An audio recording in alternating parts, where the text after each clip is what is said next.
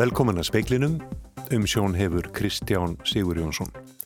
Pfizer og Evrópusambandið hafa samið um kaupa á 200 miljónum skamta umfram það sem áður hafi verið ákveðið. Útlitir fyrir að Íslandingar fái fleiri bóluetna skamta á næstunni en gert hafi verið ráð fyrir. Draga verður lærdóm af domnum sem hæstiréttur hvað upp í gær í máli landsréttardómarana tvekja, segir dómsmálar á þeirra. Rússar segjast tilbúinir að slíta tengslinn við Europasambandið verði þeir beittir refsiaðgerðum vegna Navalny málsins. Kennslustofur í Háskóla Íslands komast ekki í stand fyrir en matsmenn hafa loki við að meta umfang vastjónsins sem var þar fyrir dremur vikum. Forsvarsmenn skólans hafa áhyggjur að miklu.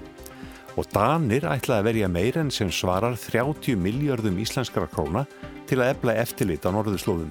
Varnamálar á þeirra dana segir að öryggi á heimskuptasvæðinu og norður allansæfi sé ógnað. Útlýttir fyrir að Íslandingar fái fleiri bóluefna skamta á næstunni en gert hafi verið ráð fyrir. Pfizer og Európusambandið hafa samið um kaupa á 200 miljónum skamta umfram það sem áður hafi verið ákveðið og kaupritt á 100 miljón skamtum til viðbótar. Að auki hafa forsvarsmenn AstraZeneca tilkynnt að þeir geti auki framleiðslu á bóluefni sínu. Heilbreyðisraðunitið staðfæstir að samningarnir þýði aukið frambóð bóluefnis til Íslendinga en getur ekki sagt til um hversu mikið. Viðbótarsamningur ESB gæti þýtt að hátt í 30.000 fleiri Íslendingar verði bólusettir með efni Pfizer á næsta ársfjórðingi en er áðvar fyrir gert. Norskir og sænskir fjölmiðlar fjalla um viðbótarsamningana í dag. Normenn gera ráð fyrir að fá 2,24 miljónir skamta aukalega með þessu samkómulagi Evrópusambansins og Pfizer og kauprétt á 1,2 miljónum skamta til viðbótar. Bent á þeirra Noregs, sagði að það besta við tíðindi dagsins væri að normenn fengju 840.000 skamta aukalega þegar í april, mæ og júni. Rikard Bergström, yfir umsjónar maður bóluefni í Svíþjóð, sagði í viðtali við SVFT að það séu mjög góðar frettir að AstraZeneca auki framleiðslu sína. Hann segis bjart sín á að svíjar náðu að bólusetja alla fullorna landsmenn fyrir mitt ár. Íslendingar fá 6,8% af þeim bóluefnafjölda sem norðmenn fá.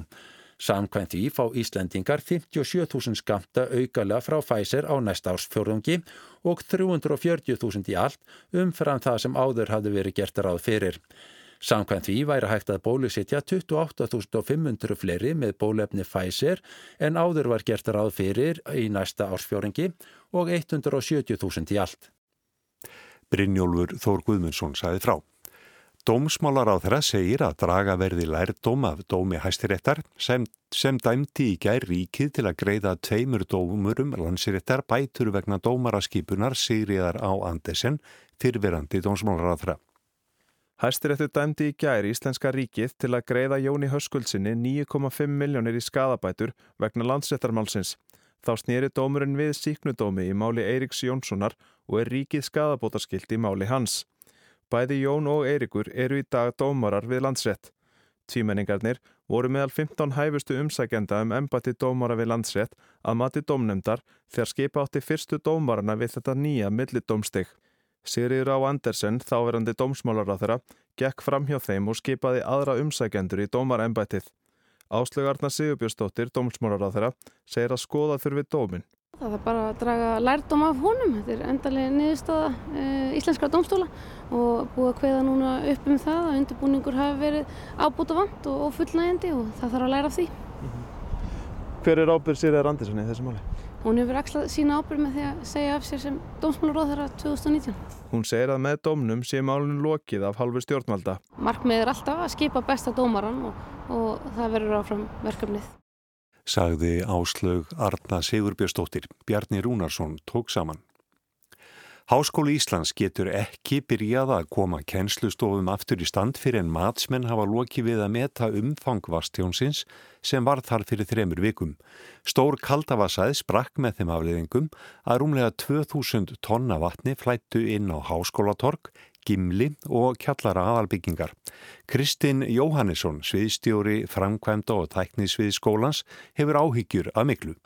Hvað heldur sé langt í það að þið fáið myndaði hversu mikið tjónið var?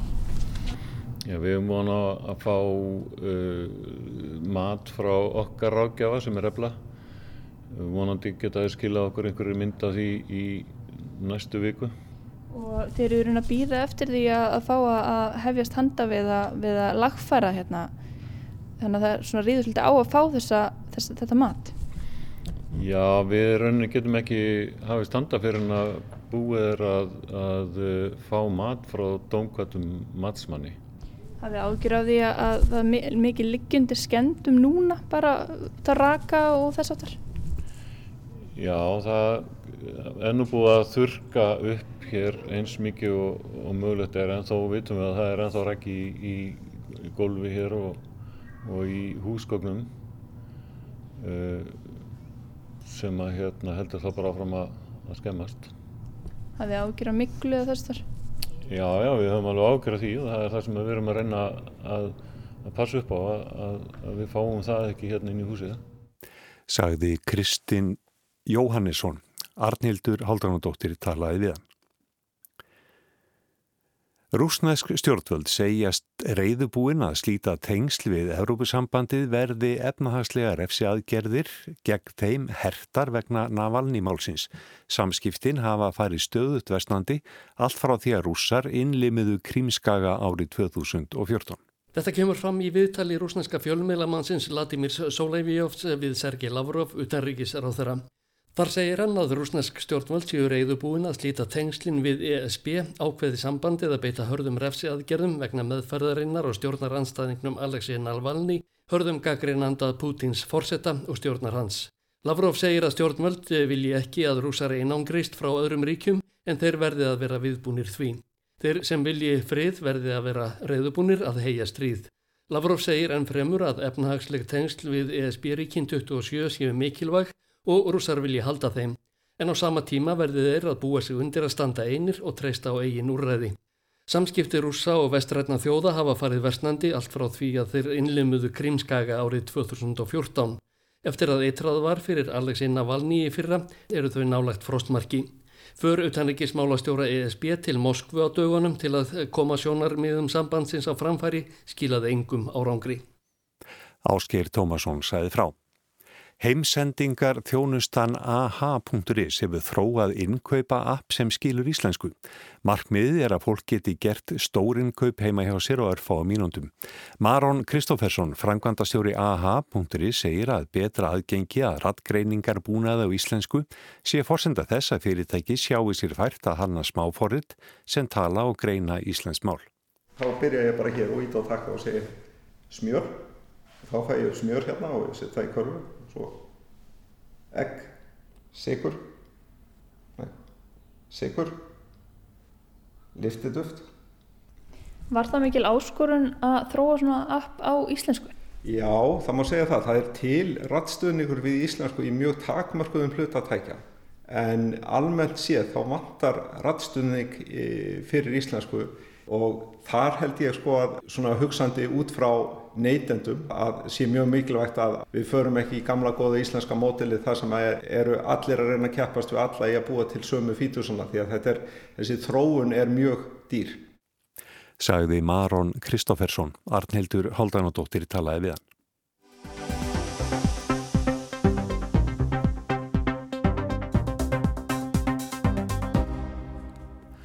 Danska ríkistjórnin tilkynnti í gæra að sangkomalag hefði náðst á þingi um að auka verulega eftirlit á norðurslóðum. Útgjöld til eftirlitsins verða aukin um sem svara rúmlega 30 miljardum íslenskra króna. Það er behov for at forsvaret får nye kapaciteter, så vi bedre kan holde øje med Arktis og Nordatlanten, hvad der sejler og flyver. Det handler om rigsfællesskabets sikkerhed, og det handler om, at vi skal løfte vores ansvar. Þetta var Tríne Bramsen, varnamálar á þeirra Danmerkur, sem sagði að það væri nöðsynlegt að auka viðbúna hersins til að fylgjast betur með siglingum og flugi á norðurslóðum. Málið snýst um öryggi ríkisambandsins og að við stöndum við skuldbindingar okkar, sagði Bramsen. Og það er þetta með skuldbindingarnar. Skuldbindingar gagvart Færium og Grænlandi og gagvart Atlasarspandalaginu og ekki síst bandaríkjamannum. Hlustendur speilsins muna efalítið eftir þessari yfirlýsingu.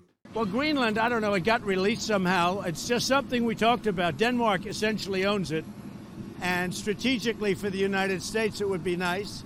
Þetta var þegar Donald Trump fyrirhandi bandaríkjafósiti lísti áhuga á að kaupa Grænland af dönum sem ættu Grænland, herfræðilega hefði landi mikla þýðingu. Grín var gert að Trump fyrir hugmyndinum að kaupa Grænland. Bæði grænlendingar og danir brúðust ítla við og í kjölfarið móðgæðist bandaríkjafósiti og hætti við ofenbæri heimsók til Danmörkur. Það lagðist ítla í marga að fastegna mógúlinn Trump skildi tala um að eignast Grænland eins og að um hverunur fastegna viðskipti væri að ræða. En yfirlýsinga Trump sem hernaðalegt mikilvægi Grænlands voru hins var hár réttar. Bandaríkjaman hafa þrýst á Dani að ebla varnar viðbúna á norðurslóðum Peter Viggo Jakobsen, lektor við Dönsku Varnarmála Akademíuna og professor við Center for War Studies við Sýdansk Universitet, sagði í viðtali við Danska Ríkisúttarpi í morgun að hringt hefði verið frá Washington og dönum sagt að gera eitthvað í málinu. Eftir að Donald Trump var svo vinsamlegur að bjóðast til að kaupa Grænland hafa Danir verið undir miklum þrýstingi að gera eitthvað, sagði Peter Viggo Jakobsen. Og der er simpelthen sket det, at telefonen har ringet fra Washington og sagt til øh, danskerne, at nu skal vi se at få fingrene ud og få gjort noget ved det. Ikke? Øh, og efter at Donald Trump han øh, tilbød så venligt at købe Grønland, ja, så har Danmark jo været under et, et, et enormt pres for at gøre et eller andet. Jakobsen segir að ríkissambandið, það er að segja Danmörk færi yfir Grænland, gerir kröfu til yfirráð á fyrnastóru svæði utan við strendur Grænlands til að styrka þær kröfur verða sína fram á nærveru á svæðinu.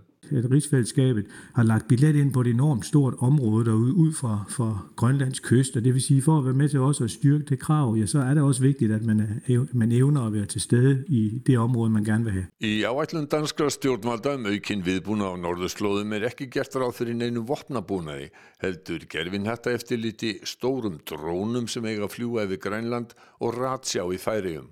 Hún á að fylla í það stóra gat sem myndaðist millir Íslands og Noregs þegar ratsjá sem var í færium í kaldastriðinu var tekið niður, segir Níls Kristján Wang, flótafóringi og fyrfirandi yfirmöðu danska flótans. Kommer dermed til at dække det radarhul, som er opstået mellem Island og Norge i forbindelse med, at man, øh, man øh, afmonterede den radar, der stod på færøerne under den kolde krig, og den genetablerer man nu for at få dækket øh, det her hul. Niels Christian Wang segir að það sem standi til nú sé fyrsta skrefið og hann spáir frekar í fjárfæstingum. Og derfor så forudser jeg, at der kommer øh, også investeringer senere. Fræðimaðurinn Peter Viggo Jakobsen er sammála flótafóningjanum nú sé aðeins verið að setja upp eftirlýtskerfi sem gerir fólki klift að fylgjast með því sem gerist á yfiráðasvæðum þess. Eftirlýtstækin geri ekkert annað, þurfið að grípa til viðbráða vandist málið. Danir hafi engan viðbúnað til viðbráða, það sé mikilvægt að gera sig grein fyrir því að Danir hafi aldrei geta varið Grænland, það hafi þeir aldrei megnað að gera.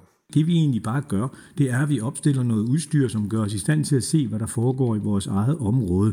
Udstyret i sig selv kan jo ikke noget, og nærmest alt det, som er nævnt i pakken, det har heller ikke nogen våben på. Så på den måde, så sætter vi os i stand til at se, hvad der sker. Og hvis vi så opdager, der sker nogle ting, vi ikke bryder os om, ja, så er vi jo lidt på den, fordi hvad skal vi så gøre ved det? Vi har faktisk ikke kapacitet til rigtigt at gøre noget som helst ved det. Mm. Det er vigtigt at holde sig for øje, at, at, at Danmark forsvarer jo ikke Grønland militært. Det har vi aldrig gjort. Það hafi alltaf verið vitað að hernarlega varnir Grænlands væri í höndum bandarækjamanna og svo væri enn. Det er amerikanerne, der skal passe på Grønland militært, hvis der sker noget grimt, og det er det fortsat. Flótafóringin Níls Wang segir að næstu skref síðan endun í eftirlitskip danska flótans við Grænland þau séu komin á aldur. At der kommer et skridt mere, øh, og det er at, øh, at få blandt andet erstattet de øh, gamle inspektionsskibe, som Søværnet har sejlende på Grønland, som, som, som er ved at være så gamle, at de, de skal udskiftes. Skipin sem vangtalaði hér um eru fastagestir í Reykjavík. Þau sjá um eftirlit við Færiðar og Grænland.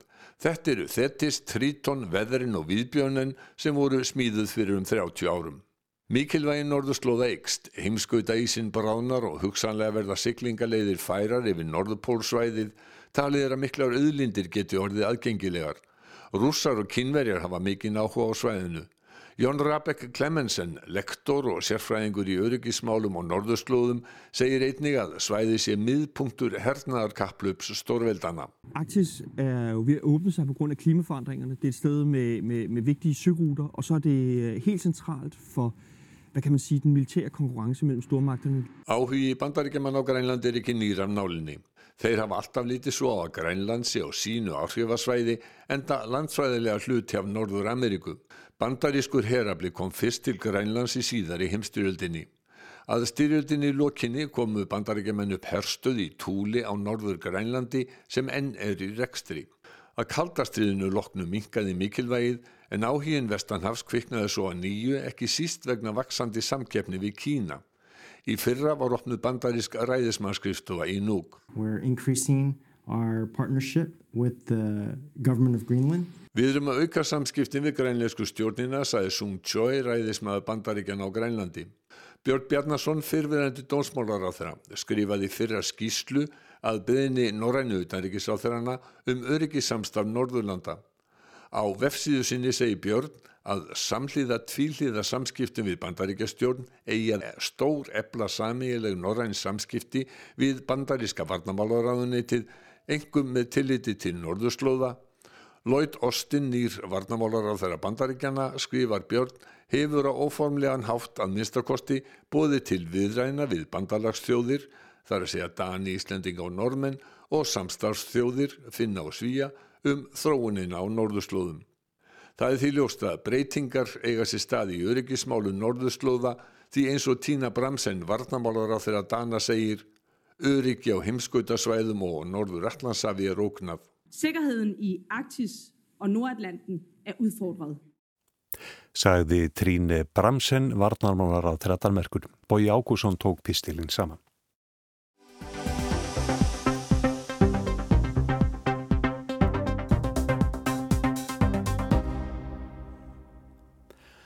Saga og aðbúnaður ráðskvenna í sveit á síðari hluta 20. aldar er viðfámsetni Dalrúnar Jóð Eigerðardóttur sakfræðings í doktorsverkefni hennar. Dalrún hefur talað við tíi eldri kvenna sem gengdu ráðskonustarfi á síðustu öld og í þessum viðtölum hefur ímislegt komið fram sem Þagnarmúr hefur umlykið hinga til. Dalrún fjallaði um viðfámsetni sitt hjá RIK rannsóknarstofnun í apirettisfræðum við Háskóla Íslands í gær. Þegar rætt var um áhrif MeToo-byltingarinnar á líf og frásagnir hvenna. Speillin rætti við Dalrúnu í dag. Ég er samsagt að rannsaka ráðskunnistarfið, hvað fólst í því starfi og svo er ég hins vega að rannsaka hvaða konur voru það sem reðu sig sem ráðskunur á sveita heimili. Ég er að skoða félagslega stuðu þeirra áður en að reyðu sér sem ráðskunur og líka félagslega stuðu þeirra á bænum. Þannig að ég er í grunninn að rannsaka ráðskunur í sveit og á síðari hluta 20. aldar og ég tók yfir 50 viðtöl fyrir rannsóknuna þar af 41 viðtal við konur sem störfuðu sem ráðskunur á sveita heimilum en eh, það er til svo lítið að rítu um heimildum um ráðskunur þannig að þetta var í rauninni líka bara nöðsynlegt til að fá ykkur að mynda þessu starfi. Í viðtólunum kom fram að flestar kvennana komu úr þjættbíli og þar voru eila alltaf einhleipar og lang oftast einstæða mæður. Ráðskunnu starfið var því úrræði, atvinnulegt úrræði og það var félagslegt úrræði því í ráðskunnu starfinu fólst þetta launa ígildi sem var samsagt húsnæðið og fæði þá fyrirst til dæmis eins og einstæða mæður sig og börn sín. Og þess vegna hendaði ráðskonu starfið til dæmis einstæða mæðurum svo sérlega vel. Því eins og í dag þá er ekkert grín að lifa af sem einstæða móðir. Þetta var í flestum tilfellum mjög, sko konurna höfðu mjög jákvæða reynslu af starfinu og þetta var bjargráð fyrir konur á þessum tíma En eins og ég kemur nú í greinminni sem byrtist í MeToo bók Rick og ég flytti erindum í gær, þá er það þannig að það voru þarna dæmi sem hreinlega vörpuðu skugga á ráðskonustarfið. Og hér er ég að vísa til vistað þar sem konurnar urðu fyrir ofbeldi og það var um fjóruðungur kvennana sem var fyrir ofbeldi í ráðskonu vist og það er gífæla stórt hlutfall af þeim konum sem ég rætti við.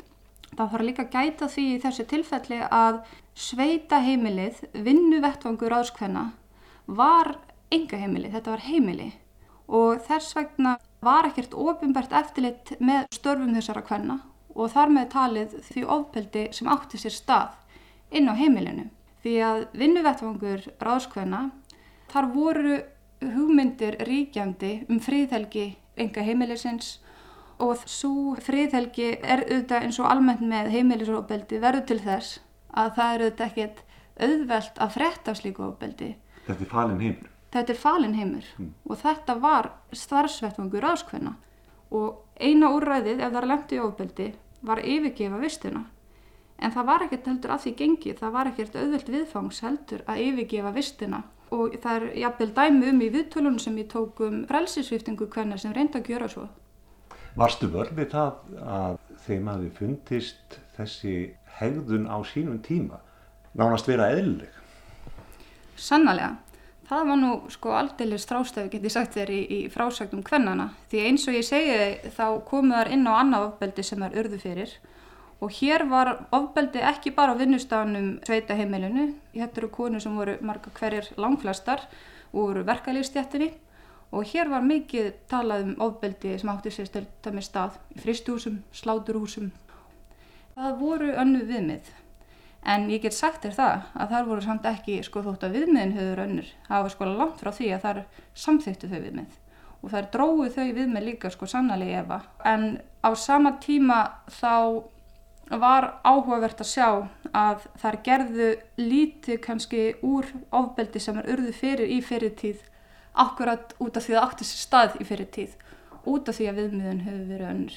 En áhrifin voru samt hins sömu og þær þurfti enn að, að eiga við þau áhrif sem kynferðisofbeldi hefur á konu. En þeim fannst ekki að þær getur tjáð sig um það á sama marki og til dæmis konur í samtímanum. Þegar ég hef rannsóknuna þá er sem sagt MeToo-bildingin búin að koma fram með látum og þegar ég fer á stað að taka viðtöl við konurnar þá sérst hver mikil áhrif bildingin hefur á þessar konur af þessum eldri kynnslöðum því að allt í innu var það sko orðið eðlilegt notabene eðlilegt að ræða þessa hluti. Það var í lægi, það mátti. Og það sem mér fannst koma fram svolítið ítrekkað í viðtölunum var að Hér erum eldri konur að ræða í langflestum tilfengum og þær höfðu ekki, langflestar ekki lungun til þess að vera að miðla sinni reynslu af ofbeldi, hvort er varða reynslu sem þar örðu fyrir vistinni eða öðru ofbeldi sem það lendu í í lífinu. Á veraldarvefnum þar höfðu ekki lungun til þess en þarna nýttu þar það að ég var mætt sagfræðingur sem síðan myndi miðla þeirra frásögt á hinn ofinbera vettvang það nýttu sér viðtalið til að miðla svona sínum mítúsugum.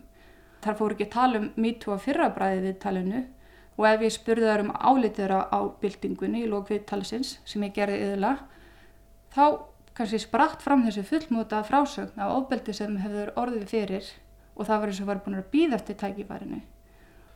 Þetta er kynslo sem að jáfnvel er að hverfa fólk sem lífir á setjum hluta síðustu aldar og er kannski að hverfa. Hvers virði er að fá frásagnir þess?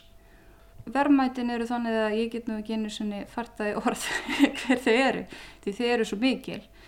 Sko hér kem ég inn á sérstaklega hver mikil verðmæti það eru að fá að skrá sögu hvenna af kynferðis ofbeldi. Því ég sem sagfræðingur hef verið að skoða rítar heimildir og ég til dæmis hef konum í hjúastjættin eða hvað er og þú ert sko, þetta er, þú ert að leita af þessum sögum, þetta er gífulega algengi glæpir en þú ert gjörsamlega, þú þart að gera þvíleika leit, döðaleit af því að finna ykkurar frásögn og hún er yðurlega ekki sögð út frá sjónarhorni konunar. Þannig það að í dag þegar við höfum öll úrræði og tjáningafrelsi til þess að miðla og skrá þessar sögur þá er þetta bara lífsnöðsynlegt því hún tapast annars sagan. Og hvað getur við konur byggt á okkar baráttur ef það er ekki á sögunni? Og að geta vísa til endurtekninga í sögunni og um leið muna að horfa til annara kvenna og þeirra sem koma undan okkur og viðurkenna þeirra reynslu og gera hann að hluta okkar sögu í samtímanum. Þetta var Dalrún Jóð Eikerðardóttir.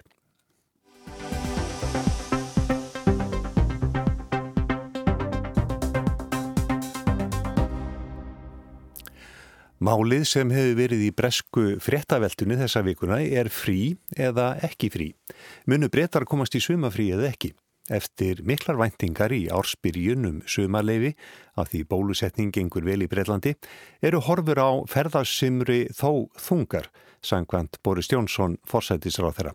Nú hljómar eins og Þorrin og Góan gæti teikst fram á haustið sem gæti þá haft áhrif hér á landi sem hefur notið góðs að ferðavilja breyta á árónum fyrir COVID-19 faraldrin. Í árslokk 2020 gætti viða ákveðins léttis, farsóttar áraðu enda og óvíða var léttirinn meiri en í Breitlandi. Það land orðið einna verst úti bæði varðandi útbreðsluveirunar, döðsföll og efnags áhrif.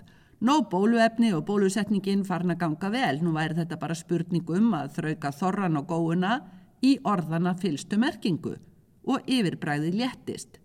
Þá líka á Matt Hancock, heilbriðisráð þeirra sem annars hefur hvað eftir annað mátt vera boðberi slæmira tíðinda. Um miðjan janúar sæðist hann gladur í bræði vera búin að bóka sumarfrí Cornwall spáði frábæru bresku sumri. On the summer holidays, I'm going to Cornwall. I've said before I think we're going to have a great British summer. Undirskili þá að já, breytar eftir að gera eins og hann fari í sumarfrí innanlands. Sama endur tóka nýlokk janúar. Góður gangur í bólusetningu lofaði góðu bresku sumri. Þessa dagana er Grant Sjaps samgöngur á þeirra myrkur í máli og í allt öðrum hugleðingum.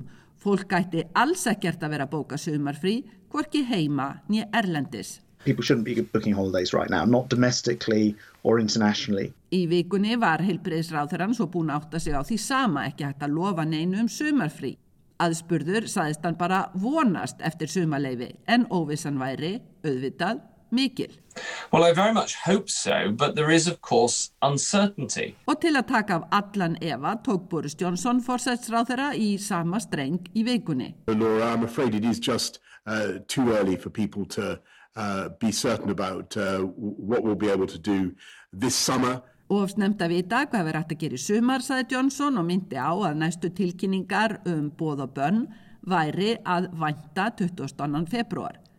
Nú velta breytar því fyrir sér af hverju bólusetning sem gengur eins og sögu hafi ekki þessi skjótu væntu áhrif. Akkur þetta taki núna svona langan tíma þegar allar umræður um bóluefnið í desember og januar voru að þar sem búið er þegar bólusetti alla breyta um og yfir 50 í mæ þá væru ferðahorfur sumarsins bjartar. Hluti af skýringunni er að það verður líklega búið að bólusetja marga í mæ en aðeins fyrri bólusetningu af tveimur nöðsynlugum. Það tekur nokkrar vikur áður en bóluefnið nær fullri virkni, það er hindri smitt. Og svo eitt í viðbót, bresk yfirvöld óttast greinlega að brettar ferðist til landa þar sem ný veiru afbreyði grassera og þá spurning hvort bóluefnið virki öruglega gegn þeim afbreyðum. Því virðist nú sem Þorrin og Góan gætu staði fram á haust allavega í Breitlandi. Bjart sínin sem bóluefni vakti hefur aðeins hjaðnað ekki að bóluefnið virk ekki eins og þá að gera heldur þetta að veiru heimurinn er aðeins floknari en rætt var framanaf. Þetta hík og fum og fát um ferðalög og betri daga fellur ekki góðan jarveg í stjórnarfloknum. Margir þingmenn íhersflokksins láta hygstalust í ljós óþúlinnmæði. Það sé ekki endalust hægt að segja fólki að vera heima. Það verða skýra stöðuna hverja séu forsendur þess að losum hömlur og þá hvers með í vænta. Bóðskapurinn úr ferðageiranum er hófstilt óþúlinnmæði menn skilji stöðuna en ferðartengt fyrirtæki verða að fá eitthvað í hendurnar til að geta skipulagt næstu vikur og mánuði. Það má því segja að bjartar horfur og fljúandi vendingar í upphafi árs hafi heldur dopnað og dvínað og döknað. Í ljósi þess hvað margir breskir ferðamenn hafa komið til Íslands undan farin ár hefur þetta sitt að segja fyrir íslenska ferðarþjónustu. Það læðist svo óþægilega tilfinning að mörgum breytum og kannski fleirum að já, árið í ár verði kannski skuggalega líkt gamla árinu og þá fáir aðrir en Íslandingar til að njóta íslenskrar náttúru. Sigrun Davísdóttir saði frá. Það var helst í speklinum í kvöld að Pfizer og Európusammatið hafa samið um kaupa á 200 miljónum skamta umfram það sem áður hafi verið ákveðið. Útlit er fyrir að Íslandingar fái fleiri bóluefna skamta á næstunni en gert hafi verið ráð fyrir. Fleira er ekki í speiklinum í kvöld, tæknimaður Ragnar Gunnarsson, verið sæl og góða helgi.